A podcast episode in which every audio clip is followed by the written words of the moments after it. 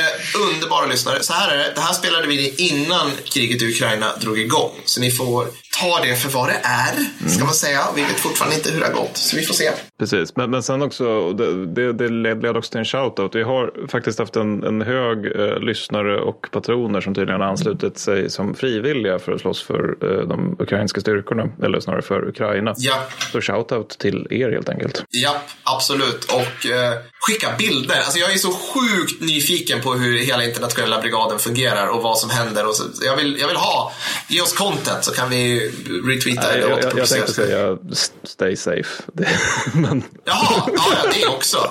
Men ni ska till ett krig, så stay lagom safe. Safety third, eller något. Hörni, en annan grej, svinviktigt. Skala är nu öppet för alles och vi har platser kvar. Så att först, så här gått till. Först har vi låtit eh, er underbara patrons som också lyssnar på det här att helt, med herrarnas fria åkning, helt själva få plocka platser. Och det har ni gjort med bravur. Det ska bli svinkul att träffa er. Nu släpper vi det till alla andra. Ja. Hurra! Varsågod Sverige, säger eh, Var kan man köpa de biljetterna någonstans, Mattis? på Skalas hemsida helt enkelt. Skala Teaterns hemsida. Jajamensan, precis. Och eh, det finns, som sagt, det finns platser kvar. Det finns inte jättemånga. Vi kommer att dricka öl och vi kommer att showa. Eller jag vet inte. Det är ju en Det blir vår livepodd. livepodd. Så, så, så jag vet inte, vi får se hur det fungerar egentligen. Men jag Ja. tror det blir kul i alla fall. Temat för hela är att krig är absurt, vilket känns ju meta och bra. Det känns otroligt. Det känns väldigt oss. Det blir fantastiskt. En liten söt shoutout som jag tycker ja, värmer mig i hjärtat att få dra den här. Det här är till dig Jonathan som fyllde 12 år den 11 mars. Från din far. Stort grattis!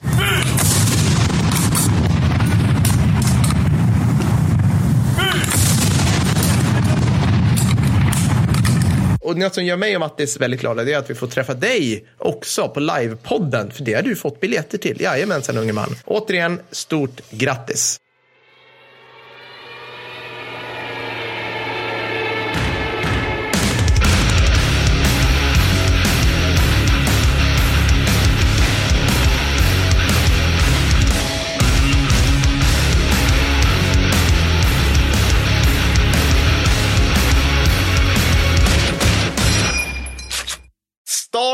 Efter brännkamrarna redan på taxibanan, goda vänner. För nu är det dags att prata stridsflygplan. Det här kommer bli episkt Ja. faktiskt. Allting känns annorlunda. Vi sitter nämligen här hos den svenska militärindustriella etablissemangets kronas gnistrande juvel, var konstig mening, Saab. Ja. Tack Saab. Tack, Saab. Eh, svinkul att vara här. Hela det här avsnittet har möjliggjorts av krigsprofitörer, nej jag menar eh, riksförsvararna i Svenska Aeroplan Aktiebolaget. Ja, som ja, jag var ja. tvungen att googla vad helsike Saab står för. Ja, det är typ, ja men precis. Det är typ sån förkortning man bara säger som man inte... Jag tror det också. Men jag gillar att det står för någonting. Alltså så här, så himla vackert. Så vi, har, vi har blivit hitbjudna. Ja, de har sponsrat det här avsnittet. Ja, Ja. det är ju typ deras avsnitt. Ja, men det är som när Matkrig sponsrade och vi körde mat under andra världskriget. Alltså nu så ska vi ju köra Saabs avsnitt så det blev lustigt nog stridsflyget efter 1945 där det också finns ganska många svenska exempel. Vad säger? Ganska många. Och jag tycker så här, det, det, det är inte jättekrystat för oss att Nej. så här prata. det var inte så här, Saab, ja, vilka, vilka svenska stridsflygplan har de gjort? Ja, just det, alla. Ja, alla har de gjort. Ja. Hur brukar vi beskriva svenska stridsflygplan? Som ära, med Ja, vingar. ja, ja, ja, ungefär. Evig ära på efterbrännkammare, rakt in i framtiden. Lite ungefär. så, lite så. Dräpandes ryssar och danskar. Ja.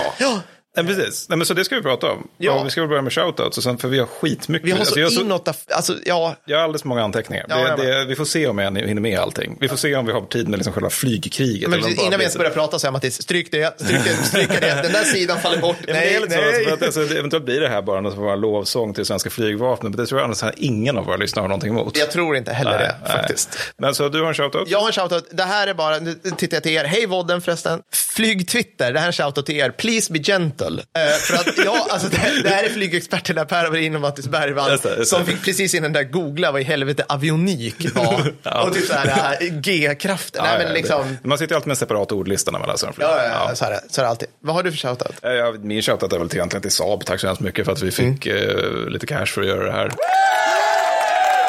Det är jättekul. Uh, men vi hade förmodligen gjort det i alla fall. Eller det kanske jag inte ska säga, med tanke på att han som bjöd hit och sitter där. Men det, så kan det vara.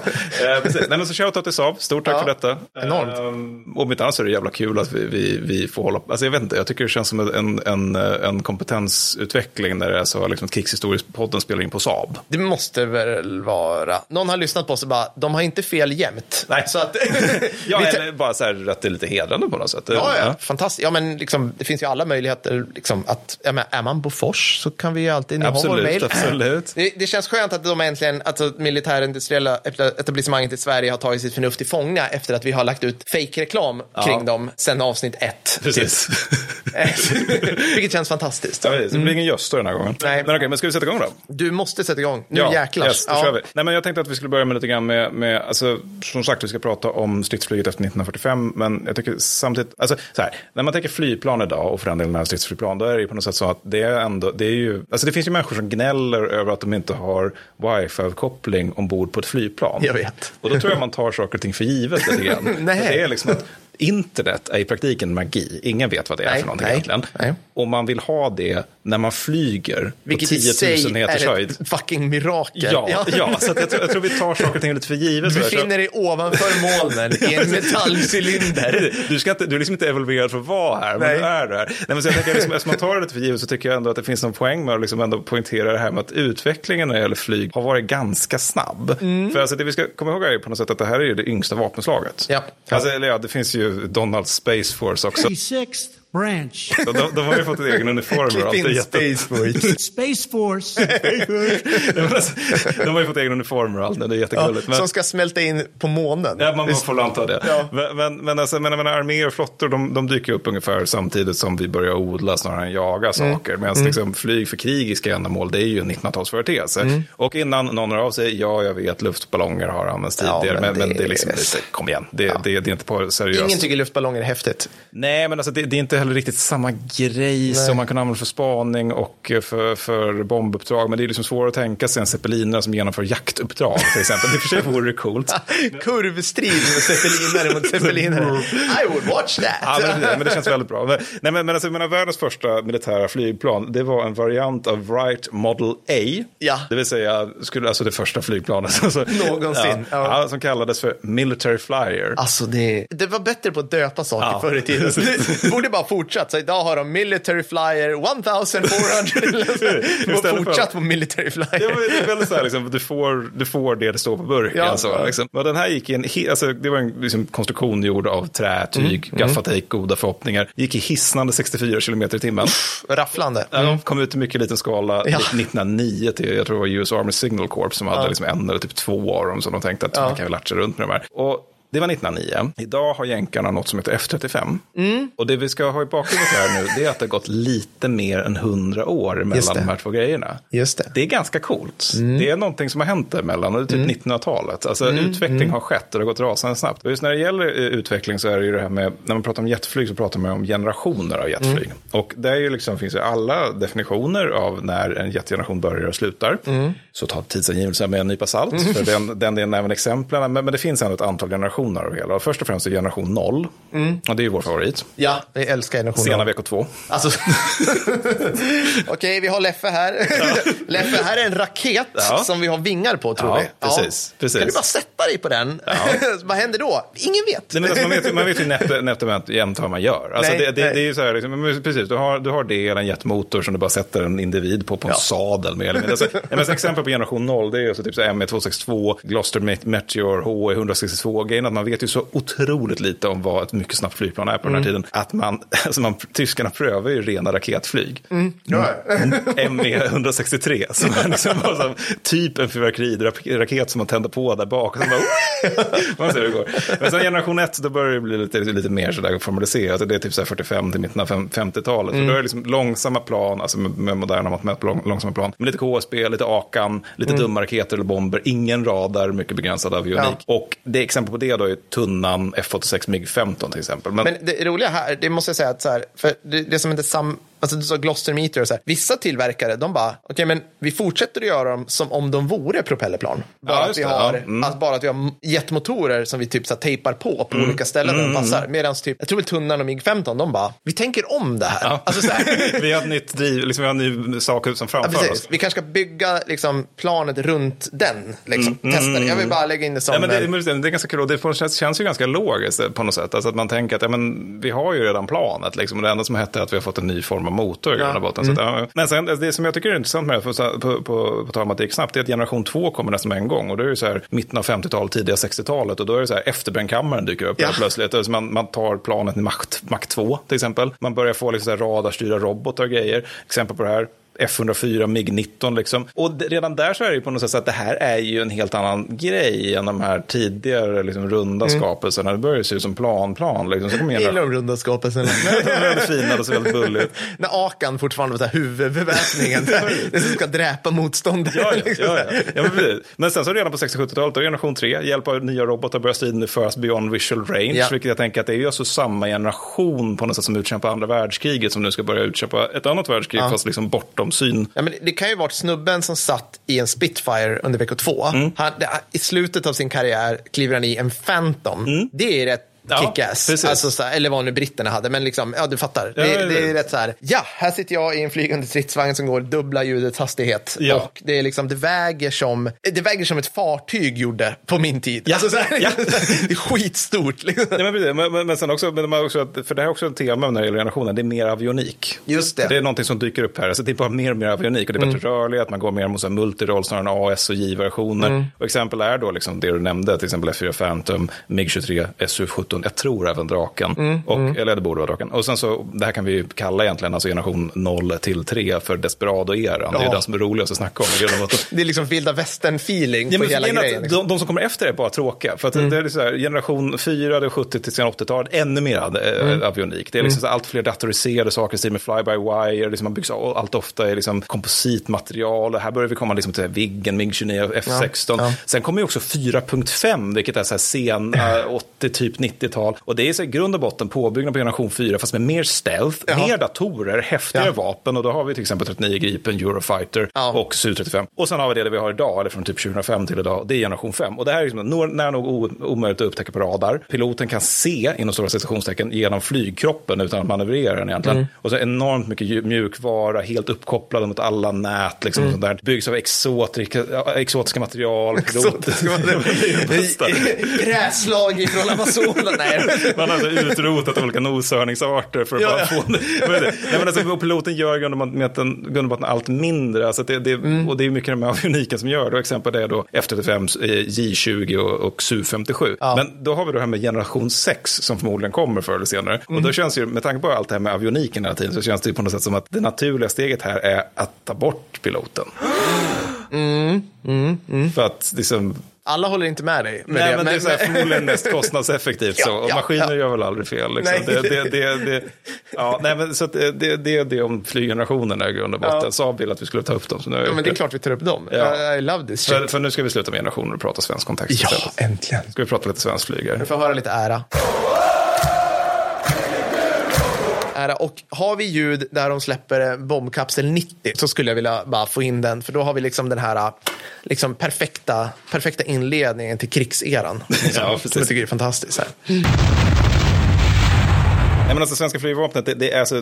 Det, det, vi, vi har ju redan pratat om tunnan och lansen. Så att, eh, vår, vår uppdelning har varit ungefär så att jag kommer ruscha tunnan och lansen i grund och botten. För att vi har redan pratat om dem. Och sen kommer jag Vilket avsnitt ska de lyssna på då? 37 och 58 Just blir det. det. 37 är bara för Patreon, så blir Patreon som det är det. Men Mm. oavsett så, så de kommer jag ruscha lite grann och sen kommer jag köra Draken och Viggen och sen kommer Per få köra Gripen som han har Oh oändligt mycket om.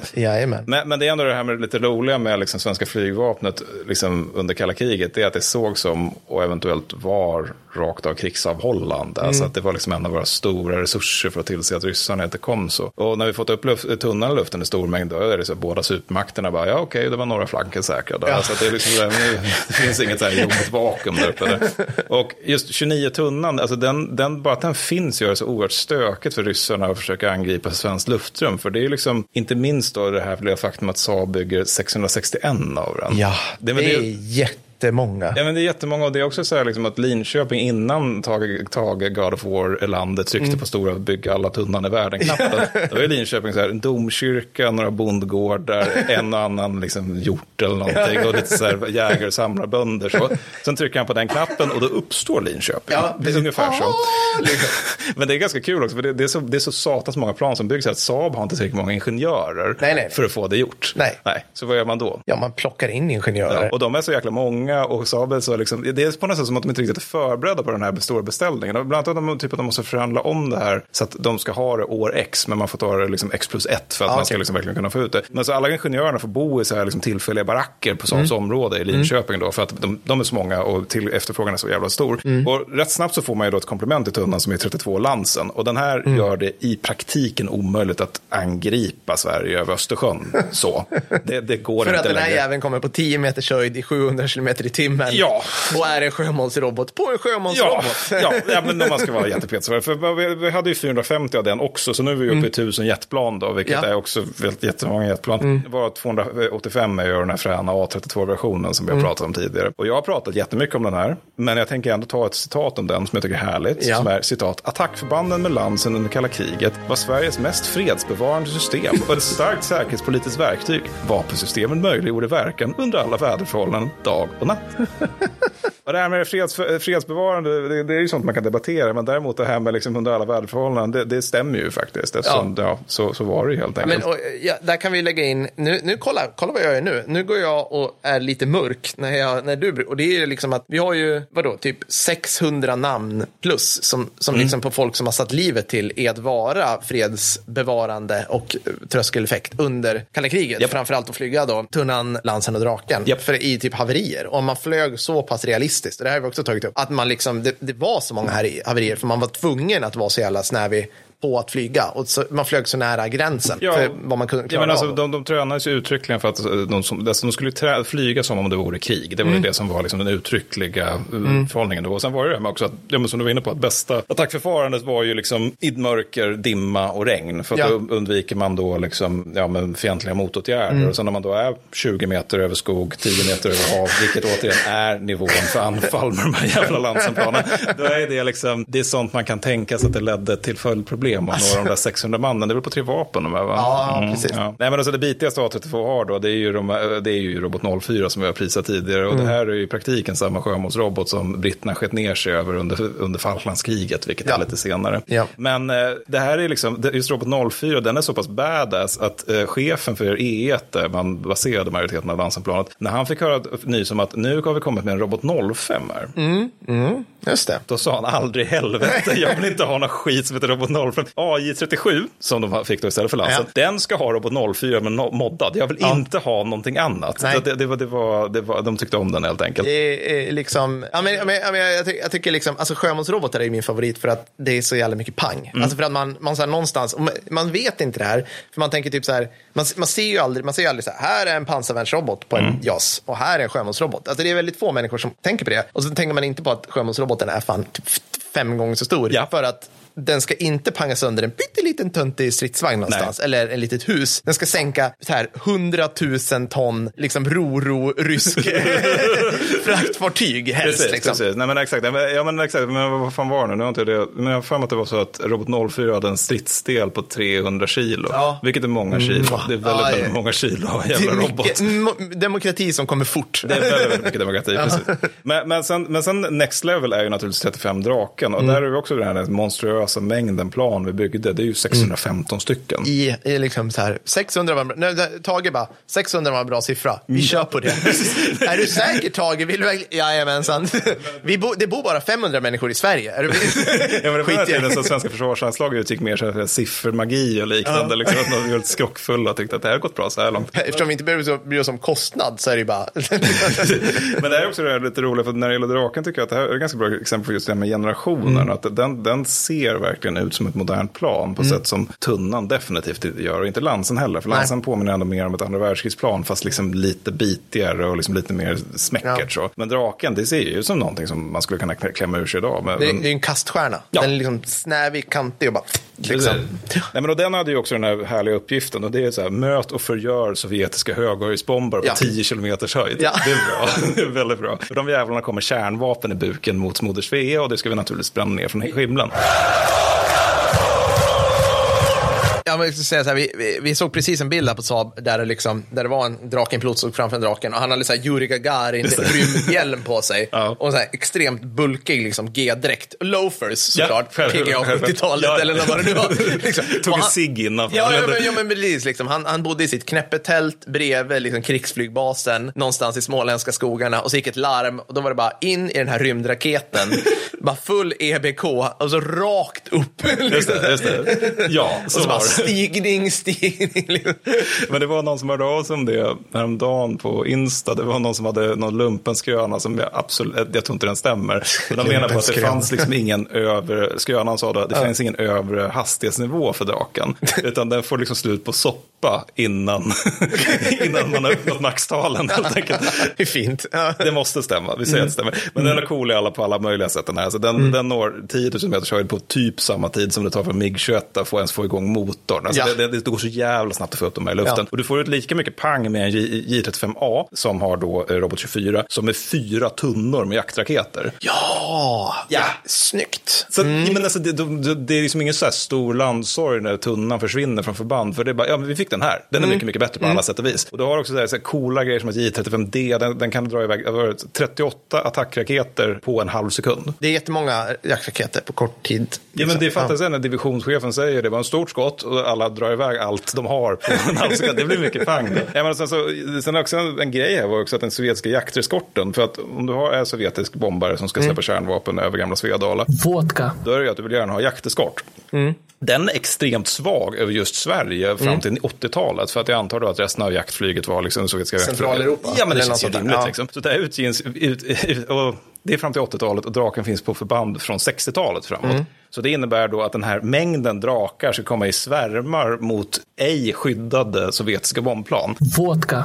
Det hade nog blivit ganska jobbigt för dem, Det tänker är jag. hyfsat. Ja. Gärna över Östersjön, liksom, så att man tar dem innan de kommer in över land. Liksom, så här. Precis, precis. Sen är det så stökigt om de ska komma in över Sverige. Mm, mycket att städa sen, liksom. framförallt sen när vraken regnar ner. Precis, det blir lite precis. tråkigt. Liksom. Men sen är det också det här med att alltså, det här var ju den här tiden när vi var naiva och helt neutrala och sådär. För alltså, en, en, ro, bara en rolig aspekt med draken är ju också att vi exporterade den till ganska många länder.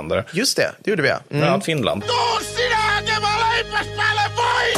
Ja. De monterade den på Valmet och piloterna fick eh, utbildning i Sverige. Ja. Och då var det när vi fick Viggen då, då var det så här lite att ja, vi har ju en massa drakar som fortfarande ligger och skrotar. Så då var det liksom så här att ja, nej, men blir det krig då får, ja, då får ju draken helt, då kör vi över draken till Finland. Ja, ja, ja. Så, så kan de bara plocka och sen så åka iväg. Det.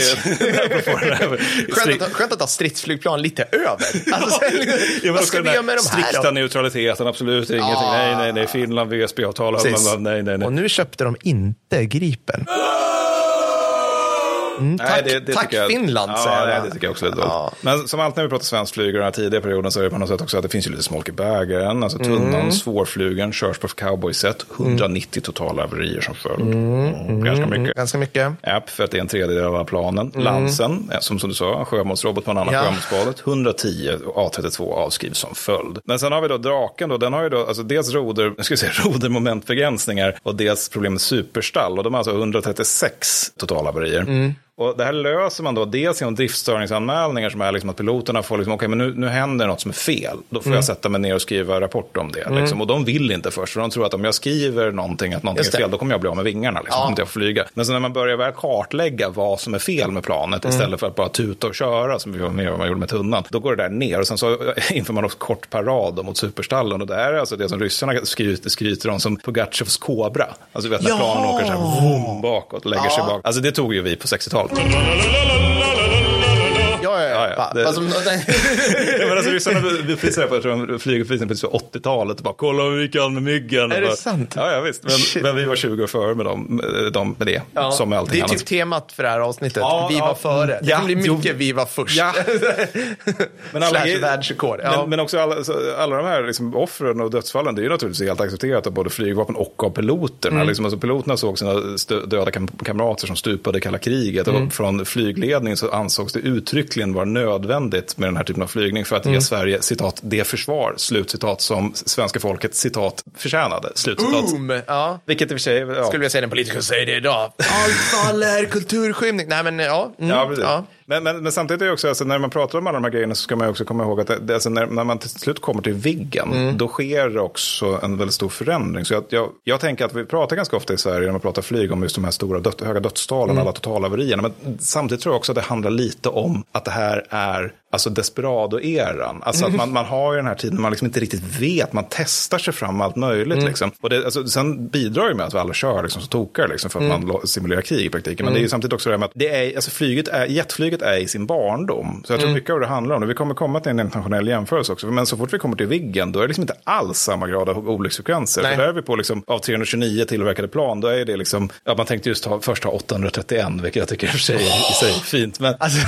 men då är det, då är det 50 totalhaverier. Ja. Och det, det är mindre både absoluta och relativa tal. Ja. Men och man kan också notera att det här är liksom, det, här, det är som det här med relativa tal så sker, sker den här sänkningen av totalhaverier i och med 35 draken. Så Mm. att det, det är på något sätt som att liksom bara det här med att teknologin rör sig framåt gör att det inte blir lika livsfarligt för piloterna. Mm. Ja men, ja men precis, och jag tror att, alltså det där diskuterade jag med, mm, jag kommer inte vem jag diskuterar med, men äh, liksom också att man har den här, alltså som du säger, den här pedagogiska inriktningen. Att så här, vi, vi kommer inte köra som typ så här, amerikanerna här, liksom, att om du, om du klagar på någonting så blir du av med vingarna. Liksom. Utan, utan som du säger, att, jag, tror, jag tror jag läst någonstans att liksom, svenska flygvapnet gick i bräschen med, med att ha den här liksom, kollegiala attityden till att liksom, du ska inte flyga ihjäl dig, berätta vad som är problemet, räcka upp handen, du vet, du blir inte bestraffad. Som du var inne på. Och sen tänker jag också, menar, när Viggen kommer, då kanske man börjar så nosa på sådana saker som typ så här, simulatorer. Ja. Alltså, som. Det kan ju vara rätt bra att bra, ha. Liksom. Så att du inte bara så här, vad är det här? Eller liksom, och så här, träd, papier-maché.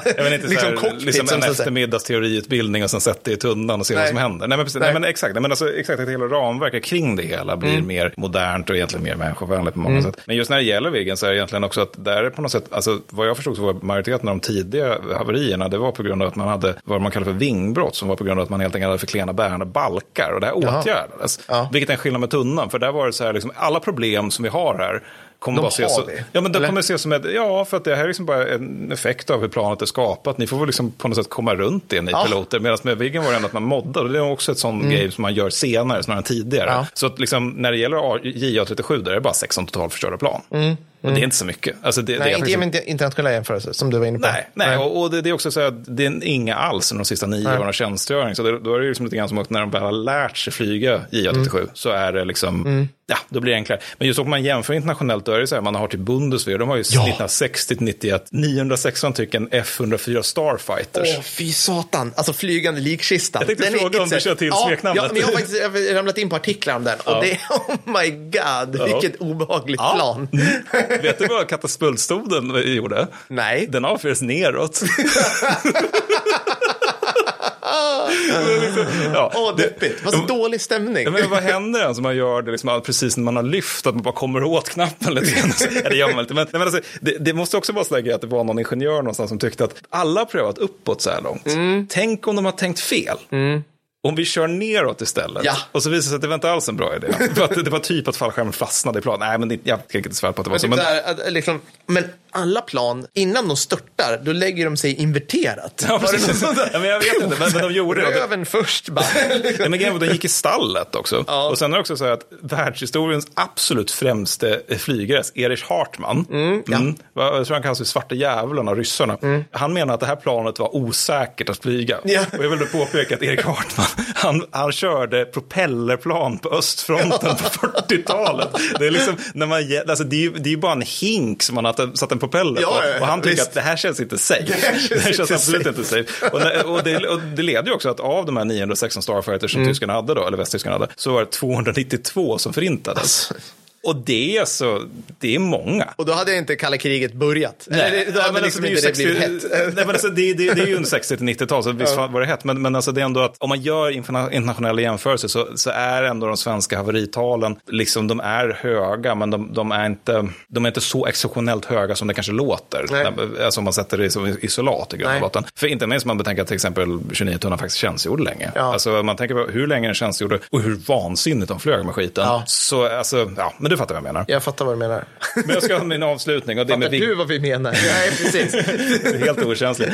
Men jag ska ha en, en avslutning då, och det är med Viggen, så ska du få komma Åh. till Gripen då. För Viggen är, det är liksom, det borde vi egentligen haft ett helt eget avsnitt om, det är ju helt fel tänkt att jag hålla på om det här innan, men för det är en sån jävla kompetensökning på alla nivåer så att det är löjligt. Men Ja. den, den kostar alltså 15 procent av all militär forskning och utveckling i Sverige under 1960-talet. Och på 1960-talet hade vi en del forskning och utveckling, skulle jag vilja påstå. Nej, men alltså, den är helt störd. Alltså, det, det, det, och det var någonting du var inne på tidigare också. Den utvecklas ju, alltså börjar utvecklas typ när draken kommer ut på förband. Jo, alltså, kan vi pausa här? För Ja, att det här det. är helt bananas. Alltså, saker och ting börjar utvecklas så tidigt och det blir så pass mycket tidigare att redan nu, i, alltså, ska det här fortsätta, då sitter just nu det snubbar på flygstaben Mm. och planerar inte nästa generation som ska ersätta Gripen, Nej. utan generationen efter det. Ja. För att utvecklingstiden är så här 50 år. Alltså, men precis, alltså, så här, jag, jag sa det till- Mats innan vi började, så du att liksom, slutet på 70-talet satt man ju bara så här, vi behöver ett nytt plan, multiroll kanske, ska det heta JAS? På 70-talet! Och sen, flög, sen, sen liksom 80-talet utveckling, 96 var det känt. Men det också, liksom, just när det är 60-70-tal man börjar göra plan där, eller börjar utveckla plan där, det är ju typ, alltså det man gör däremellan är ju typ ut, ut, uppfinna datorn i Ja, modern alltså, bemärkelse. Liksom, alltså, det- det, det, det, det, är ju- alltså, ja. Det är så galet. Men det är ju också typ värt det i fallet Viggen. För att om man tar typ så här Lansen, där, där är det att rotechefen har en radar i planet. Mm. Det innebär att om när rotechefen skjuts ner, vilket han gör, för att det, återigen tanken var ganska höga förluster Ja. där, då är det ju så här att det är över för resten av rotorna, eller Mm. de får ju i alla fall lite svårt att navigera och manövrera. Men alltså, i AJ37 så är det ju liksom att varje plan har en helt enkelt, en Ja, radar. Och det är ju att hela gruppen är inte liksom beroende av en utslagen chef eller ej. Nej. Sen är det också att det är ett svinstort plan, Mm. ser ut som en flygande stridsvagn, men som kan lyfta liksom från vägbassystemet. Ja.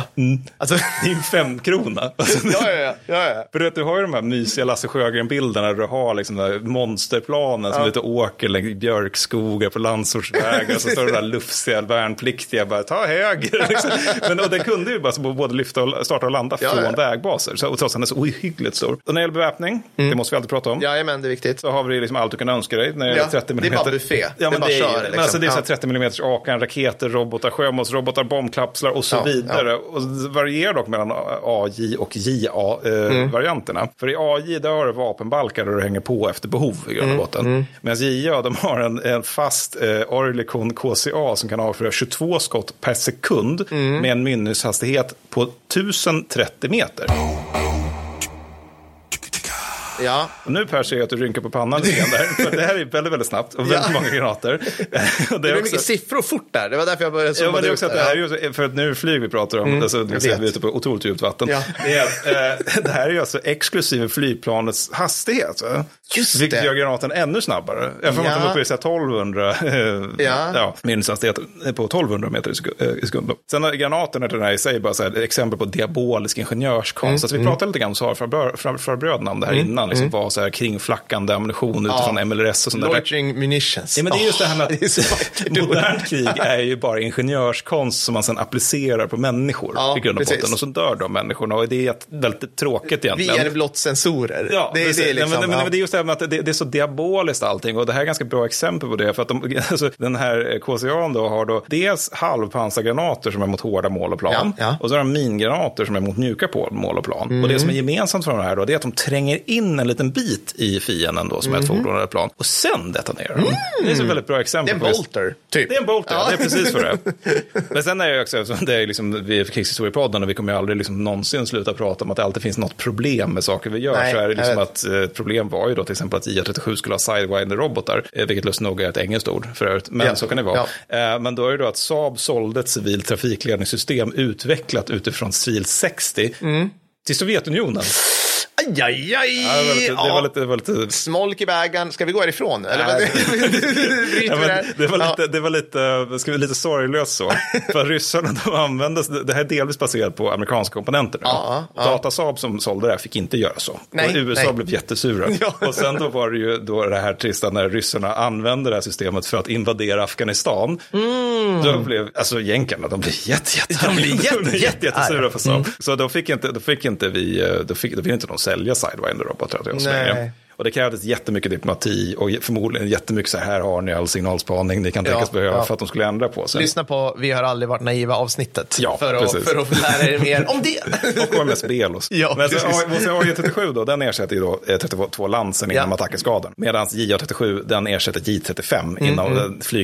flygincidensberedskapen. Och skillnaden mellan AJ37 och JA37, det är om man tittar på den, så liksom okej, AJ37 är liksom kamouflagemål. Alltså. Ja. Man ska, liksom, den, den, de ser inte så snarlika ut utifrån. Inuti så är det liksom enorm jävla skillnad på den. För, för att det, alltså, JA37 är mycket, mycket mer datoriserad. Och det var någon av piloterna där som spakade AJ37 som beskrev det som vi jobbar i källaren och ni på tredje våningen. Alltså det är det som är skillnaden i grund och botten. Alltså, att det, det är så oerhört många, många fler, liksom, mycket mer avionik, mycket mer komplicerade elektroniska system och så vidare. Och det är också en rolig så här, Sverige, naiva Sverige-grej då, det är att omkring 20 procent av elektroniken eh, tillverkades av eh, just eh, amerikanska eller västeuropeiska företag. Så, så, så, kan, så kan det vara då naturligtvis. Men gällande just den här flygincidentberedskapen, för nu, ska, nu behöver vi lite klacks, klackenstämningar, för vi måste ha lite ära i det här Det kommer också. bli sjukt mycket ära. Ja, ja, ja, men det är det är just det. här. Flyg, flygins- eh, Flygincidentberedskapen, den skulle då med hjälp av JA37 år, alltså kanske borde säga det, jaktviggen i grund och botten, skulle den avvisa dels plan från Warszawapakten och dels NATO-plan som kränkte svenskt luftrum. Och där står då i deras instruktioner, citat, om det är nödvändigt får vapenmakt till, tillgripas, slutcitat. Ja. Och de här, de står redo alltså 24 timmar om dygnet, sju dagar i veckan, året Ja. om då. De, incidentroten ska vara i luften på 60 sekunder. Så de sitter typ och dricker kaffe. Och sen så ska, Bredvid planen nästan Ja, till. men alltså, det, liksom. det är för att det var någon liten, någon litet hus som satt i, alldeles bredvid ja. sina monsterplan. Och så skulle de bara få, ja men nu, nu är det ryssar i luften. Då är det så här, 60 sekunder ska de vara uppe i Ja, luften. ja. Det är snabbt och Det det är ganska coolt. Och jag tänker också att man kan jämföra idag, för vad jag förstått så är det väl eh, kontorstid idag som gäller för svenska. Nej, nej jag, tror, jag, tror att de, jag tror att de kör dygnet runt nu Ja, för tiden. Men det var, ett tag var det kontorstid. Ja, ja, ja, har retats lite. Men de, de genomför alltså 300 starter per år under tidigt 90-tal för att det händer saker i luften. Och det som är anmärkningsvärt med det här då, det är ju framförallt de här incidenterna som sker med S- SR-71 Blackbird. Just det. Det här är ett amerikanskt plan som åker i Mach 3 på Mm. 25 900 meters höjd. Det är typ rymden för Ja. de som undrar hur högt det är. Det är liksom Ja. schweinhögt. Ja, och- Det är rymddräkt på sig i planet högt. Ja, och de ska Mm. ju också spana liksom på Sovjetunionen. Och där tycker jag också är bara så konstigt att de inte bara frågar då svenskar, vad, vad vet ni om Sovjetunionen? Ja. Det är bara här, ta all information du vill ha. Liksom. Men, och det här är liksom, det här är ett plan som är gjort för att ingenting ska kunna låsa på det eller på något sätt påverka alls. För det är så jävla snabbt och det är så jävla högt. Mm. Varpå då JA37 lyckas ett, låsa robotar på SR71 Mm. som för mellan Öland och Gotland och över svensk, eh, liksom, det finns en glipa där mellan Mm. mm. Gotland som de flög, flög mellan. Vilket är coolt, för det är typ nära nog när, det är världsunikt. Och som två var det också att de lyckades eskortera ett havererat SR71 ur svenskt luftrum. För det var liksom att de, SR71 hade kommit in i, i Sverige, eller över Östersjön, och så hade de fått motorproblem. Och då hade det varit några JA37, förvisso var det farbror som hörde av sig på Instagram och sa att det var AJ37, men Ja. alltså, allting jag har hittat om det här är att det var JA37. Skitsamma, det var några Viggenplan. Flygtwitter har redan slutat lyssa Mattis. Så Ja, det kan ja, ligga... ja. det är var en Viggenplan som vi i alla fall noterar det här. Ja, ja. Mm. Åker upp i luften, tar några foton på det här superhemliga flygplanet som sen typ publiceras i hela västvärlden. Och så är det väl mest lite grann bragging rights, liksom, Ja, att vi kan, ta, ja. vi kan fotografera det här plan. Och sen eskorterar de då ut det här då in i Sverige och sen in i Danmark då, så Mm. att det, det ska kunna räddas då. Och grejen är att de här piloterna räddar i praktiken livet på SR-71-piloterna. Mm. För att du har då sovjetiskt flyg som är i luften, för att de vet ju Mm. också att de här är där och som har låst på de här SR-71, men inte gör det då för att de har svensk jakteskort helt enkelt. Ah, okej. Varför de fyra svenska piloterna tilldelades medalj av amerikanska staten 2018 när alla hemligstämplarna hade- lagt- släppt. Snyggt.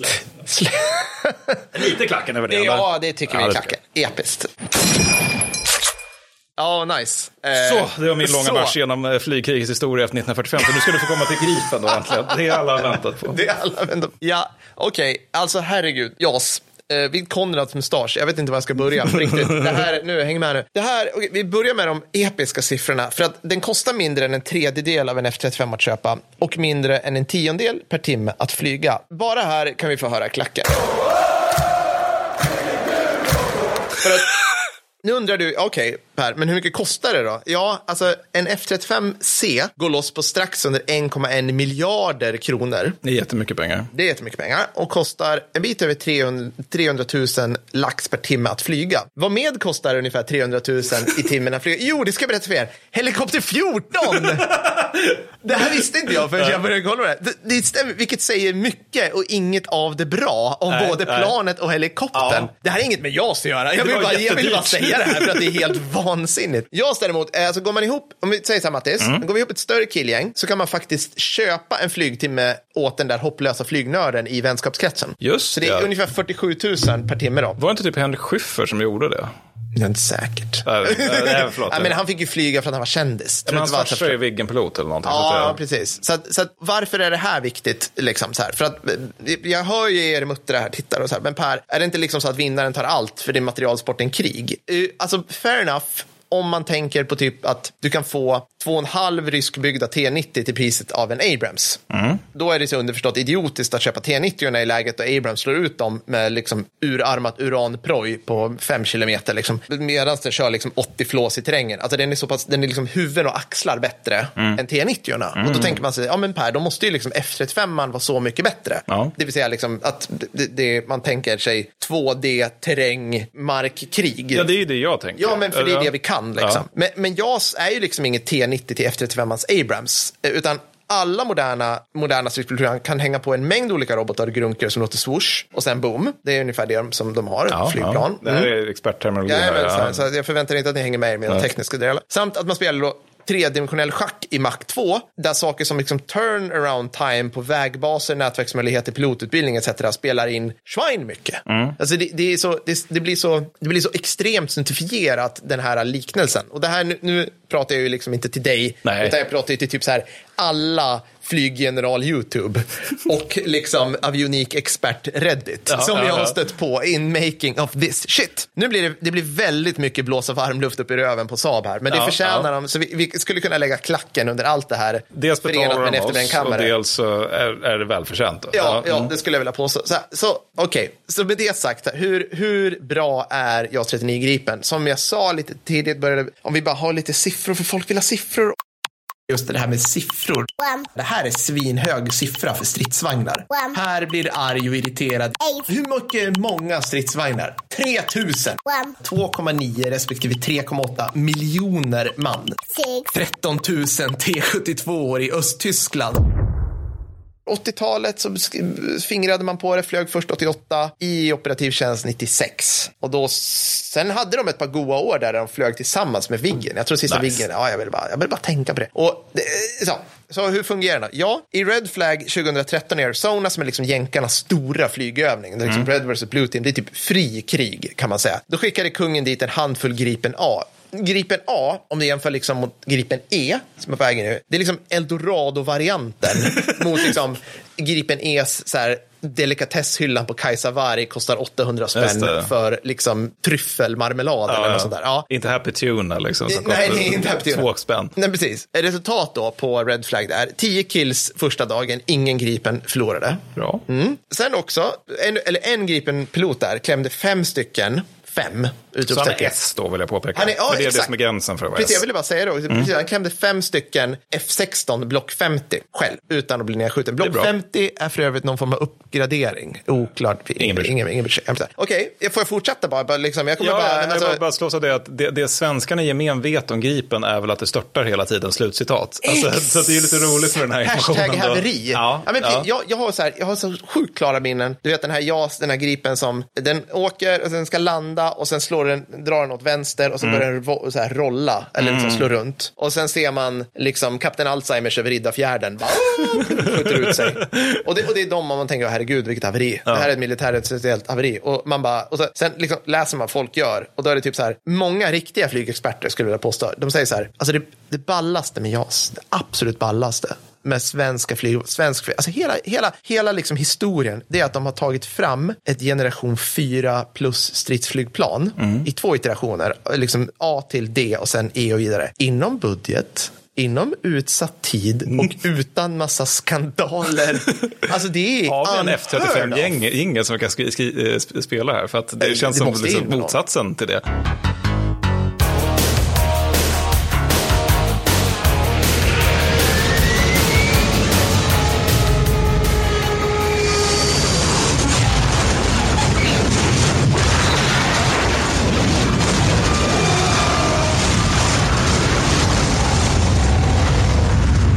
Ja, ja. ja men alltså, Det, det händer inga andra, inga Nej. andra länder. Utan bara det är otroligt. Okej, men jag måste hinna med lite fler här. Ja, ja, kör, kör. Sen testar man eh, igen om att flyga på norrmännens F16 som hade, de hade öst in alla sina oljepengar i. Liksom. Ja. Då flög man, det här var liksom bara så här, de ringde antar jag till varandra, så här, F21 i Luleå och typ så här, bla bla bla, Trondheim, eh, där de flyger ifrån i Nord- Nordnorge, ingen aning heter. Och bara, ska vi flyga lite mot varandra? Absolut, ja. vi syns över fjällen eller något. Ja. Tre Gripen mot fem F16, tre rundor. I Gripens fördel 5-0, 5-0, 5-1. Ja, okej. Det bra. Ja. Det är bra. Thailand flög sina JAS mot Kinas ryssderivat. Hoppas ni hänger med där. Mm. Liksom. De vann i dogfight, vann man. De, alltså ryssarna, eller de rysktillverkade. JAS vann i Beyond Visual Range, det vill säga 4 till 1 förhållanden. Då, då vill jag bara säga det att Dogfight, det är ju alltså flygstrid modell 1917. Ja. ja. Medan Beyond Visual Range är det där som man strider på. Ja, precis. Som vuxna pysslar med. Ja, Nej, men liksom- så att ergo, ryssarna Ja. kan gå och lägga sig. Ja, ja, ja. Alltså, det, det finns ingen, alltså, jag antar att Thailand bara, ja, ja, men vi gör väl det här lite grann för att det är kul att svänga fort. Men liksom, skulle det bli någonting så, Mm. Nej, men då har man ju sin jävla robot som har bränt ner någonting väldigt långt borta. Ja, liksom. Okej, men det slutar inte där. Nu blir det spännande. För er underbara lyssnare, och för Saab såklart, har jag intervjuat överstelöjtnant Carl Weissman Bergqvist som är stridspilot och före detta divisionschef på 72 stridsflygdivisionen. Hashtag primärkälla, Mattis. Mm, mycket bra, mycket bra. Hashtag, eh, ja, ja jag, jag jobbar Snart på det. behöver en primärkälla-jingel Ja, jag också. vet. Ja. Då kan jag väl få den där, ha! Eller liksom Monty Python-ljud, Monty Python-ljud, very good, eller något, så här. något sånt. I've had enough of this. There you have Oh, shut up. Nej, men så, så att jag liksom, jag kan få höra en sån här dra för andan-ljud. Så, här. Alltså, ja. så att jag tänkte ju liksom att det måste, alltså så här, det här är du och jag, du sa det här i början liksom. Vi har den här äh, nä, nästan åkomman att liksom känna liksom så här, men vi måste, ju- det måste ju finnas något smolk i bägaren, Ja. som du var inne på. Det, vi- alltså, vi måste ju nyansera det här. Vi måste ju liksom, det, är som, det är som att känna att man tar sitt ansvar. Ja, men också att du och jag driver ju alltid med saker. Vi Ja. letar ju ofta efter, efter det lyteskomiska. Liksom. Ja, men precis. Det måste finnas något, pff, liksom. men kolla på det här. Mm, så jag, jag tänkte så här, vem skulle liksom, vem tar bladet från munnen? Vem säger det? Så jag ringde Wiseman som då har drivit den här bloggen och han har kri- kritiserat allt liksom. Och äntligen liksom, i och med att internet består mest av liksom, typ Saabs egna testpiloter, professor YouTubes och killgissningar. Finns det alltså några nackdelar? Frågade jag honom. Det enda, alltså det här på riktigt, det enda han kunde komma på var att det var litet plan Ja. Och inte gå lika snabbt som typ en flanker, alltså en SU-35. Litet för att man, då kan man inte hänga på lika mycket guns och snabbhet för att ja, det är nice att vara snabb. Här, Okej, Kalle, sa jag på telefon. Nej, det sa jag inte. Jag sa överslöjtnant Bergqvist. sa jag. Nej. ja. För det första kommer jag aldrig acceptera att litenhet är ett handikapp. det finns inga problem. vara- förstår. nej. Nej. Och, och då sa han, nej, nej, nej. För, att, för, de, för de allra flesta länders perspektiv så är det bara en fördel. Just det. Ja, för att flanken är stor och stora motorer och kan flyga långt. Och det är vissa amerikanska plan också. För att de liksom, vi ska ta invadera land A. Vi, ska bomb, vi ska flyga långt. Så här. De allra, allra flesta länder behöver verkligen inte det och ska inte det. Liksom. Så att det litet är bra för det blir mindre yta för radarn att stötta emot och svårare att se planet liksom rent visuellt för motståndaren i till exempel kurvstrid. Alltså den här nackdelen är en fördel då? Ja, Ja. det skulle jag vilja påstå. Ja, alltså, så, så, så, att jag, jag liksom, jag bara, okej, okej Kalle, men ja, okej, S- vad finns det mer då? Liksom, okej, men vad tycker du då om planet? Och nu kan vi få höra klacken åttonde gången. Där och Alltså vad ska jag börja med? Alltså han, så här, han, gjorde, han berättade att han gjorde en dubbelsitsflygning med en amerikansk flygvapengeneral uppe i Vidsen. Så det var liksom stabsflygning kallar man det för. Så han hade en general där bak sitsen. Den här generalen hade 500 combat hours som general. Eller raka hållstickare här. Så att han hade liksom gått runt i du vet, någon bas i Bahrain eller något sånt där och bara, du där pilot, yes general, nästa gång ska jag åka med. Bara, all right sir. Så han hängde med Du upp får på det. observatör nu, nu kör jag. bomber och du vet, 500 combat hours. Och han fattade allt i planet på några minuter. Ja. Alltså, alltså det, var så, det var så intuitivt och Så det är som en enkelt. iPhone, liksom, att man bara tittar på den så Ja, fattar men man hur precis. det funkar. Jag har ju liksom. fått eh, pilla lite på um, simulatorn och där var det ju super... ja, ja, det var ju väldigt rätt fram. Ja, ja, precis. Vem som helst kan bli eh, stridspilot. Det är min slutsats. Efter att jag blivit guidad igenom Det det. finns ingen glamour Nej, flygkrig längre, för det var liksom återigen ingenjörskonst. Ja, man vet. trycker på den här grejen så säger saker boom. Ja, men precis. Och, och den här generalen, han bara “It's goddamn fantastic!” kom springande ut ur flygplanet och sa så här saker som bara “Kolla, Jeff!” För att jag antar att alla amerikaner heter Jeff han. Den stannar på tusen fot! Tusen fot! Det är alltså lite, Mattis. Okej, ja, ja, alltså check. den stannade. så Nej, jag var också tvungen att fråga. Fråga. Hur mycket tusen fot Karl? Han bara, vadå, det är fot. Fattar Kan du inte läsa? Jag bara, jobbar med metersystem. Ja, jag fattar inte. Det är bara, för- ja. Okej, så, så det, det, sen, då, sen är det bara, det bara fortsätter. Klargöringstider. Alltså, svensk luftdoktrin just nu från flygvapnet är ungefär att snabbast tillbaka upp i luften igen för att genomföra effektiva flyguppdrag vinner kriget. Just det. Alltså liksom, det är så här, de åker, skjuter robotar, vi åker, skjuter robotar. Och medan de är på väg tillbaka, då har vi landat upp igen, skjuter robot. Alltså, så att det blir, Nej, men man vill ha liksom det där kretsloppet av Ja, död i grund och botten. Att man är helt den plan i luften som kan spränga saker. ja, ja. Och så här liksom, fem värnpliktiga, en flygtekniker gör det på tio minuter på en regnig landsväg. Det är bra. 10 fucking minuter. Det händer inte i andra länder. Nej. Alltså, det, det är liksom, så Wiseman berättar liksom, "Nej, jag, jag gjorde till och med det själv på 20 minuter. så kar, karljäveln kan liksom, han kan bara, där är en landsväg, landa, så här, ja, och där står, oj, där råkar det stå en tankbil och några robotar, Ja. I guess. så han bara, som bara, Men det är ju och sen helt liksom sjukt. så här, här vill jag en jaktrobot, där, och så bara, jag antar att man går och typ kollar däcken. Men Liksom. vadå, så med- medan i USA då antar jag att de har liksom särskilt avdelade kompanier Alltså- som bara jobbar med att byta specifika delar av det här planet. Ja, som- ja. Alltså, så här, en typ en F35, där är liksom minst 20 man i en varm, ren hangar med du vet, luftfuktare. De har silkesvantar på och Mozart strömmar ur högtalaren. Någon fläktar planet, men du vet en sån här palmbladsfläktare. Någon som så här- pratar motiverande till dig. också. Du kan du göra fix- det här. Du, du är vacker. Du är inte tjock. Folk älskar dig. ja, och någon lägger så här vindruvor tryffel i det, luftintagen just det. så att den ska liksom känna rätt Flygstilen åt Oprah Winfrey. Ja, men liksom, medan JAS är liksom designad av Saab för att så här, man klargör helst i en hagelstorm på en kostig i Småland en tisdag morgon i februari av några bajsnödiga värnpliktiga som inte sovit på två dygn och som vinglar in i planet. Ja. Du vet på den här värnpliktsgrejen där de, liksom, de fryser som står mitt i kläderna och så bär de tunga saker. Så Åh, vad ska jag göra? Donk in i någon sån här flygkapsel. Donk. Och jag bara, mm, give me more. Så att det, det är exakt som typ så här Rocky 3, du vet. Ja. Dolph sitter liksom i ett high-tech gym och bara tsu, tsu.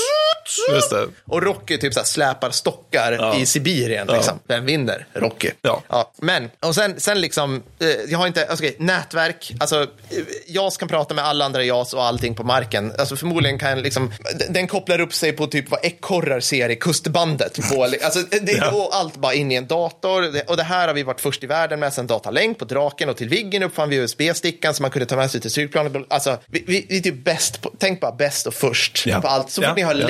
Ja. så, och det är det man pratar liksom med uppkoppling. Liksom. För det var när de snackade om E- E-versionen här när vi satte upp Ja. i simulatorn. Ja. Det var väl att man typ kunde spela Candy Crush på den. Eller det var inte just Candy Crush för att det var betalt. Då fick man Ja, men, men tänk, tänk Visa-kort alltså, också. då, men det- Mm. då är länk typ att så här, du sitter och spelar Candy Crush på, i, din, i din JAS E mot alltså fartygschefen på en Blekinge-klass ubåt Ja. som är i andra änden av landet.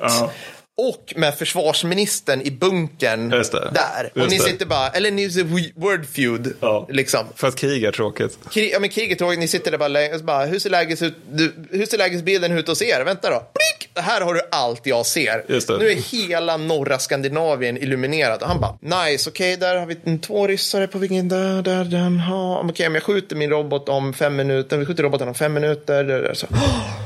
Men jag scrollar väl lite Twitter under tiden. Oh, här har vi Tinder över Luleå. Hon var snygg. Tjuk, tjuk, tjuk. Alltså, så liksom, Det är bara- bara- konstaterat för- att man bara konsonanter. Och det, Ja men, ja. men precis. Och liksom, som, som Bergqvist sa, liksom att det, det är nästan, själva planet i sig självt fungerar liksom som en kombination av en Tesla och en iPhone. Mm. Den uppdaterar bara sig själv. Det är så enkelt. Och jag, jag ville egentligen pausa honom där och bara så, men kan vi inte prata om liksom, vad kommer det här ifrån? För att jag började tänka så här, men har, har man inte sagt liksom någonstans att typ stridsvagn 122 Mm. är någonting du kan liksom utbilda en värnpliktig på på typ en månad Mm. och sen är de färdiga skyttförare, vagnchef, eh, laddare. Liksom. Och det är typ, det var alla andra länder bara what? That's impossible! typ. Så sånt där börjar kännas svenskt helt plötsligt. Börjar Ja, känna. Alltså, ja. bara, du, du har liksom, jag undrar om det där är någon, någon kvarleva från värnpliktsförsvaret. Alltså att man, man ska göra det ganska enkelt just för att du ska ha en massa 19-åriga trattbassar som bara ska, liksom, du ska kunna ta mer eller mindre vem som helst. Ja. Alltså, alltså att det inte, jag, freebasar helt Ja. där, men jag tänker att om man, eftersom man har folk som måste kunna lära saker på ändå ganska kort tid och sen så kommer vara ci- civila efter det. Då kanske, det alltså, då kanske det uppmanar till ingenjörerna till att tänka, gör det så lätt som möjligt. Ja, men precis, men, men utan att det blir dåligt. Eller förstår du? ja, menar? För precis, ja, menar- precis. Det, det blir liksom inte så sovjetiskt där man Nej. har liksom en spak som gör allt. Nej, precis. Liksom, och, och liksom, jag, menar, jag bara tänker på så här, på kolven på den medeltunga bandmatade kulsprutan, Just det. 58, där Ja. står det hur man gör. Just det. På ett p-skott Ja. står det hur man gör. Ja. Alltså det, det finns en instruktionsbok. Alltså det, det är bara liksom, gör så här. Det, det är underbart. Jag, jag har inte tid att prata mer länk, så vi går vidare. Ja. Jo, förresten, apropå det här länkförmågan, om du var inne på det. Förmågan som Jaktviggen fick tidigt 80-tal i länknivå, det fick NATO-länderna sent 90. Just det. Så när vi gick in i länk 16 som NATO har länk, alltså så här, och det är liksom för att vi ska vara interoperabila, Mm. då fick liksom JAS-piloterna bara, "Ah, alltså det här är som att ha, alltså det är som att gå från en iPhone 12 till en Nokia 3310. de bara, ska vi, ska vi, ja vi måste samarbeta med dem. Äh, men, Ja, ja, men kan inte de öka? Nej, de fixar inte det. Ja, okej. så, okej, så sen vad hände sen? Gripen E kom. Och någonstans här som Sverige bara, hmm, hur kan vi göra den här vapenplattformen typ ännu bättre? Eller liksom egentligen innan Gripen E, men liksom, ja, innan det kom. Jag vet, vi ser till att vara först i världen med att hänga på världens bästa jaktrobot Meteor på den. Där varje robot som vi piper iväg kostar som ett stridsfordon 90 och det är värt Jesus, det. ja. Ja. så de liksom, citat Wiseman, det här tar luftstriden till en helt ny nivå, slutcitat. Han flög som divisionschef på ACE 2017, vilket är en herrejösses-flygövning som nyttjar en yta stor som Tyskland, norra Sverige, Norge, Finland. 120 plan från en drös länder. Och för dem, alltså han, han bara, ja, liksom, det var typ som att Zlatan skulle skjuta straffar på min faster. Nej. Alltså liksom, de, de tog inte en enda förlust. Nej. Det var liksom bara, ja, men som, som vi fick förklarat antar jag på simulatorn här, liksom, att ja, det är inte så kul att spela. Liksom. Det är inte så kul att flyga. För att man bara så här, man bara, ja, hands, hand over till robot och så bara, Ja, så gör den det själv. Ja, ja men då kör vi lite word feud på.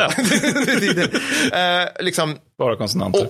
och, och det här, ska, det här trycker Wiseman på, för jag frågade honom, men, men alla de här liksom, professor YouTube, de tittar ju på de här red flag och så här. Han bara, jo, man ska ta allt det där med en nypa salt ändå. Jag bara, "Ah, okej, du menar så att JAS är inte så bra? Han bara, nej, nej, nej, alltså, den är typ bättre. Ja. För att, ja, men, tänk dig själv, liksom, allt det här är i fredstid. Alla de här övningarna har en massa begränsningar. Det betyder att Gripen, liksom, den lägger på sig själv en massa, liksom, vi får inte visa vad vi Just kan. det, det finns vissa parametrar som man inte får röra sig utanför. Ja, precis. Och då kan man ju tänka så här, liksom, okej, men, men du har, stärk, du har liksom stärkaren på fyra när du kunde vrida upp den till liksom Spinal Tap 11. Just det. Så vad har vi kvar av det här nu då? Jo, Mattis, vi har inte ens pratat telekrigsförmåga. Nej, nej, låt oss prata telekrigsförmåga. Alltså, jag vet inte, jag vet inte liksom hur man ska kunna, alltså så här, när en flygnörd level 1 pratar, liksom så här, svarar på frågan, om jag, eller om jag frågar en flygnörd level 1, Mm. typ, varför är Gripen bra? Då kan man säga så här, ja, men den är bra på grund av den är från samma land som Lennart Torstensson. eh, Tage hashtag God Warlander och hjortronsylt. Ja, ja, ja. Eh, och för att, två, för att den, kan, den är liten och kan bära meteor. Det skulle jag svara. för, för mig acceptabla svar. Ja, det tycker jag Ja. också. Ja. Flygnörd level 20 skulle svara på frågan till dig genom att länka till en 300 sidor lång akademisk uppsats från MIT om hur telekrygsystem i stridsflygplan utvecklas sedan 80-talet. Ja, ja. Alltså det är den, liksom för att, för att liksom, alltså det, det är bara EV. Liksom. Alltså vi har varit svinbra på det sen, sen liksom Arne Burling knäckte ryssarnas kod eller vad det nu var på 40-talet under kriget ja. tills nyss. Det är sån här HMSB-grej som vi pratar igen liksom om att Varför är vi så bra på det där? jag vet inte, vi bara blev, det bara blev en nisch. Ja. Alltså jag kan inte svara, men så, så den är så, det är liksom, och då har man tänkt, man har till och med tänkt liksom tre steg längre. Men så, som Gripen är liksom en stationär speldator som kan bli hur bra som helst medan alla, alla länder köper in gaming-laptops Ja, som är ja. skitflåsiga Ja, när du men sen- har dem. Ja, men sen går de ur, liksom, de har ett bäst före-datum. Ja, precis. Och bara, det är svindyrt att byta ut de här komponenterna. Och du vet, ah, liksom, I värsta fall så sitter de på en mack. Och försöker, nej, men förstår I värsta fall så måste de köpa en helt ny dator. Ja, ja, precis. Så att, liksom, det här är en så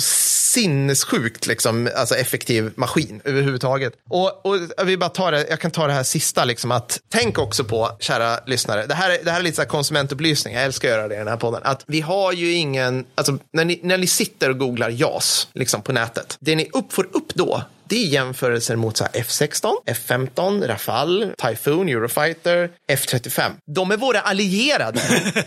alltså det, det, det, det är en fiktiv, alltså vi vill att de ska vinna. Ja. Alltså förstår du Yes, yes. Vi kommer aldrig strida mot Rafale. Vi skiter i hur bra de är. Precis, det är väl liksom, snarare att det är väl jättebra om de är jättebra. För Mm. Och att de- då kan de också spränga ryska flygplan. Ja, men såklart. Men, men för det där är annars en grej som jag noterat tas upp ibland, så här, att vi har haft lite svårt att exportera Gripen. Mm. Men då tänker jag att det är på något sätt, och att det då skulle ha någonting med planets kvaliteter att göra. Men det tänker jag är lite feltänkt. För att jag tänker om, om du är liksom, om du är, eh, inte Tjeckien för de har ju faktiskt Gripen, men säg att du är Belgien. Ja. Och du funderar på, okej men vi har ett flygvapen, det är liksom, LOL i sig. Men det, man säger Sverige har ett flygvapen, så det är också, också ganska sjukt. Men, men belgarna tänker, att vi har ett flygvapen, Ja. vi behöver lite nya fräna plan. Liksom. Ja. Då kan vi välja här med att vi kan köpa Gripen Ja. från, från Sverige. Låter trevligt, verkar vara ett bra plan. Eller så kan vi ta F35 från USA.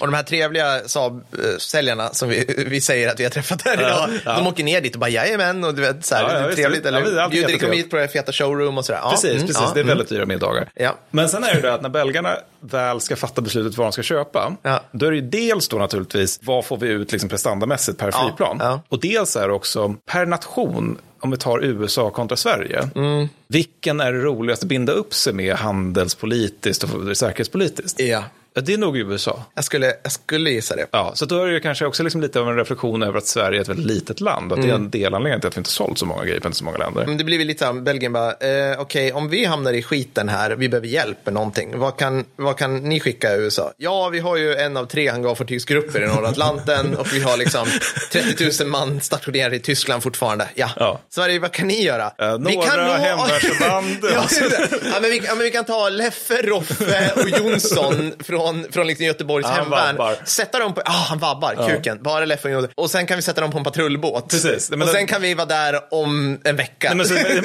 men, men det jag menar är liksom att det, på något sätt är det exceptionella är ju snarare att vi överhuvudtaget har sålt JAS-plan Ja, det ser ju bra det här. Exakt. Ja. Och det, det var det jag skulle komma till på ett sätt.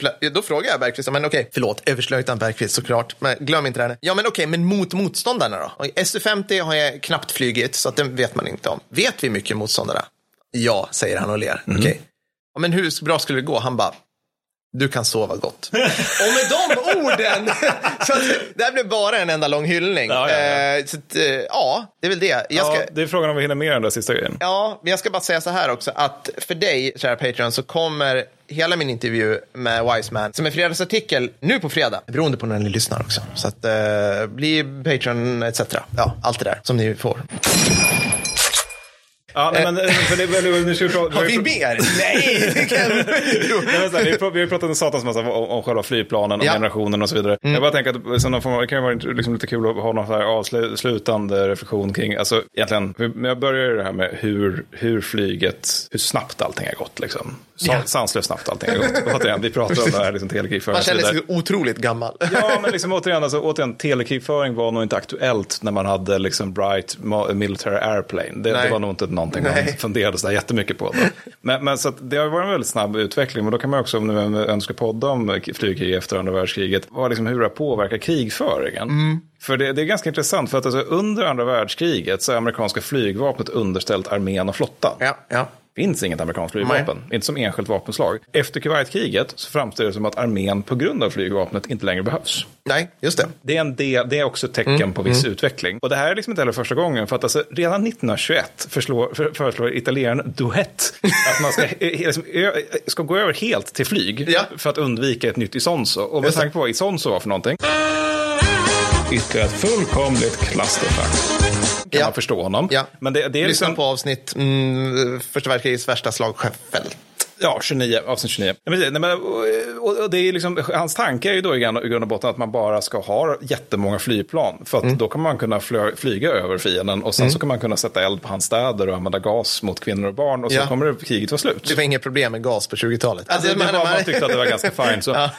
och, och, så att han tänkte att man bara skulle avveckla armén i grund och botten. Ja. Och efter andra världskriget har man ju flygburna atombomber, varför armén ses som typ onödig i USA. Sen kommer Koreakriget att knacka på.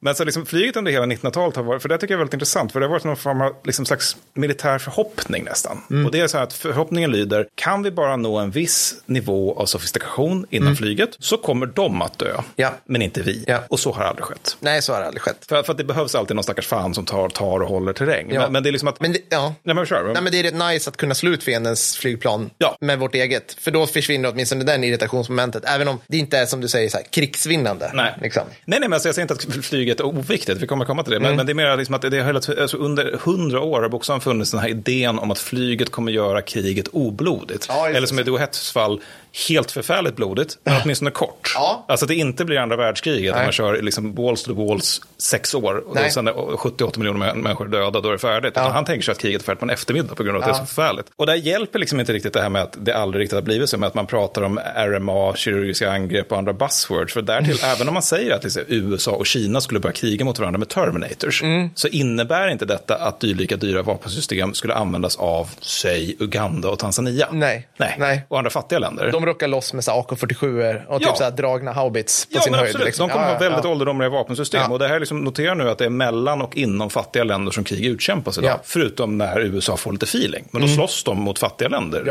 är- det är liksom inte mellan rika länder som har råd med den här typen av supervapen som man slåss. Och samtidigt så är flygen någonting som ingen, ingen sansad militär har kunnat bortse ifrån, typ efter 1916. Bland annat vår älskade Konrad var faktiskt en pionjär. Ja, han var en pionjär när det gällde för, förståelsen för att det nog är bra med flyg. Han var ofelbar. Det är det enda jag Ja, kan säga. Han Inga hade fel. några andra. Ja, men, men, men det är liksom på något sätt som att uh, utvecklingen har på något sätt gått mot att flyget har en extremt stark understödjande roll. Liksom. Mm. Det, det är liksom till att det, ja, men det är snarare från att det har en understödjande roll till att det har en roll som är ersätter artilleri fast med precision. Alltså att under Mm. första världskriget pratar man om att artilleri tar, infanteri håller och det gäller även för modernt flyg. Ja. Och det här är liksom, det stora i grund och botten flyget har ju gett kriget massa nya dimensioner. Alltså dels att man nu är i luften men dels också att man kan slå på djupet på ett helt annat Ja. sätt. Man tar bort eh, det här kriget som vi anklagas för att hela tiden prata om, det vill säga första världskriget. Mm. Ja. Det är ju liksom att arméerna är helt oförmögna att slå mot fiendens strategiska resurser. Ja. Och flottorna kan göra det via Ja. blockad, men det tar tid. Och Mm. det liksom, ja, det, via blockad och svält i grunden, det tar Mm. tid. Den andra världskrigets flygvapen, de kan ju genomföra strategiska bombningar Mm. med resultatet förfärliga civila offer och nednötning snarare än förintandet av fientliga industriella resurser som följd. Alltså, det är fortfarande så att det produceras stridsvagnar i Tyskland i Mm. Ja. slutet av andra världskriget. Ja. Det produceras fortfarande gevär i Japan i slutet av andra världskriget. Ja. Trots att man bara... Vilket är sjukt Ja, om man det tänker så, på det här, vi har just tagit livet av hundratusentals civila. Ja. Och det är fortfarande så att det kommer ut pantrar. Hur Ja, går det här till? Liksom? Så, så det är fortfarande det här med att man, och redan där har man, alltså inför andra världskriget har man den här idén om the bomber always get through. Där tänker man just det här med liksom Mm. att flyget kommer avgöra kriget självt. Och sen kommer man till Vietnamkriget där det bara jävlar nu har vi taggat till här, nu är flyget någonsin något helvete bra här. Och det ska slå ut Nordvietnams Mm, Ja. industri. Problem ett, bomberna kostar mer än det de bombar. Ja. Problem. Problem två, det är för jättedålig PR. Ja. Problem tre, Nordvietnams u-landsekonomi är utspridd på olika garage. Ja. hur, hur kommer vi åt det här? Det är för det är fortfarande inte så smarta vapen. Precis. Ska vi vara nere på liksom kostigsnivå Ja. och så här enskild gumma går med liksom lite bly till Ja, men det sin fin- kusins slash ammunitionsfabrik. Ja, men det finns ju ett otroligt konstigt exempel som är liksom så att jänkarna eh, spenderar halva kriget med att försöka bomba en viss bro i Nordvietnam. Ah, där, liksom, och så bomba, bomba, bomba, bomba. Och till slut efter förfärliga förluster för nordvietnameserna bara, vi bygger världens mest sofistikerade luftvärnssystem kring den här bron. Lyckas man sönder den. Och de tänker, nu är styrpush min leden. Två dagar senare så fortsätter leveranserna ner. Orsak, vietnameserna hittat ett vadställe längre ner. Ja. Så fucka aldrig med Vietnam. Nej, nej det, är, det, är, det är den här poddens eviga... Men sen så har vi Iran-Irak-kriget och där är det liksom att flygstridskrafterna stänger ner hela offensiver. Och då har det verkligen hänt någonting. Då, har det gått, då har det hänt någonting på allvar. Så. Och sen har vi Kuwait- Kuwait-kriget, amerikanska flygvapnet i praktiken vinner ett krig. För det är knappt att de sätter in, eller så här, de sätter in arméförband, men det behövs knappt. För att Nej. liksom, fiendens armé var utplånad. Så, men problemet är på något sätt att flygstridskrafterna gör sig bäst mot reguljära fiender med tydliga strategiska knutpunkter. Och problem två då, det är att de flesta västvärldens moderna krig, ja, det är inte mot dem. Nej. Utan det är mot Nej. asymmetriska fiender med allt ovan. Det, det är liksom inte samlade mekaniserade kolonner på väg liksom så prydligt Nej, framåt det är så över ett gäng fält. galna, Liksom. liksom, det är fundamentalister med tomtar på loft, loftet och en rostig AK47 Ja. liksom, som gör, får lite feeling. Liksom. Och problem tre, det är naturligtvis det här som du har varit inne på hela tiden, det är att moderna flygplan i generation 5 är så sanslöst dyra att det kan ifrågasätta om de går att använda sig överhuvudtaget. jag, jag, jag har liksom inte, det här är bara på något sätt något så avslutande fundering, Ja, ja, men jag bara tycker så här, det är på något sätt, för min del känns det som att det här med flyg, det är någonting som man kan både över och underhypa på Mm, något sätt. Liksom att man kan underhypa det genom och säga liksom så här, med pansarfolk att äh, vi löser allt med pansar. När man får- från flygfolk kan man ju också liksom vara, det är som att man hela tiden så fort man fick liksom de där grejerna som flyger har tänkt att det här kommer avgöra kriget. Ja. Men vi har liksom aldrig riktigt nått dit. Nej, vi, vi kommer ju tillbaka till det här logistik. Vi kommer tillbaka Ja. till systemen måste samverka för Ja, att kunna vinna. ja. och alla bara, Per, Mattis, var tysta! Ge oss mer explosioner. Vi bara, ja, okej, jag kommer. nu pratar vi Bekan och Gripen och liksom. Nej, men jag tänker att det finns en fortfarande en liten bit kvar innan där. Så. Fast vem vet, då kanske det är drönare istället. Nej, jag tror inte det. Ja, så det här var ju helt episkt. Ja. Vad ska vi prata om nästa gång, Mattis? Vet vi det? Ja, flyktingkrigen. Oj, oj, oj. Eh, ja, eh, och där tappade vi hälften av våra lyssnare.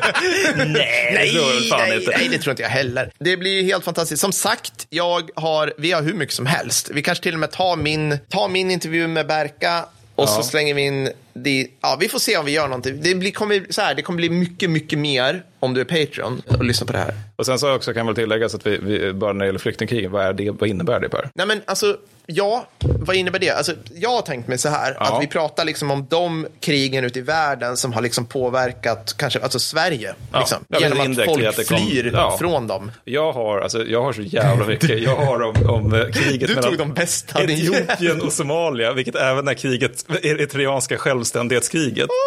I Afrikas horn fattar eldkrigen, de har jag. Alltså det är så mycket gött. Ja. Det är så mycket gött. Åh, shit. Oh, well. Fantastiskt. Tack för att ni har lyssnat. Tack så mycket. Och eh, så syns vi snart igen. Ja, tack Saab också. Tack. Saab igen. Ja. Det är skönt att vi kan hjälpa det här lilla, liksom, ja, det är Alltså, crowdfundad. det är en- det är en liksom, god startup. Jag tror att de kommer kunna leverera alla grejer Det känns skönt att vi liksom kan använda vår mäktiga Ja, men kraft. när man har nått ja. en viss nivå, då tycker jag man har det som skyldighet att Ja, hjälpa ja. de här mindre De andra som företagen. väg upp, liksom. Ja, Ja, jag tycker mm. det också. Bra, det Tack var roligt. mycket. Ja. Hej då.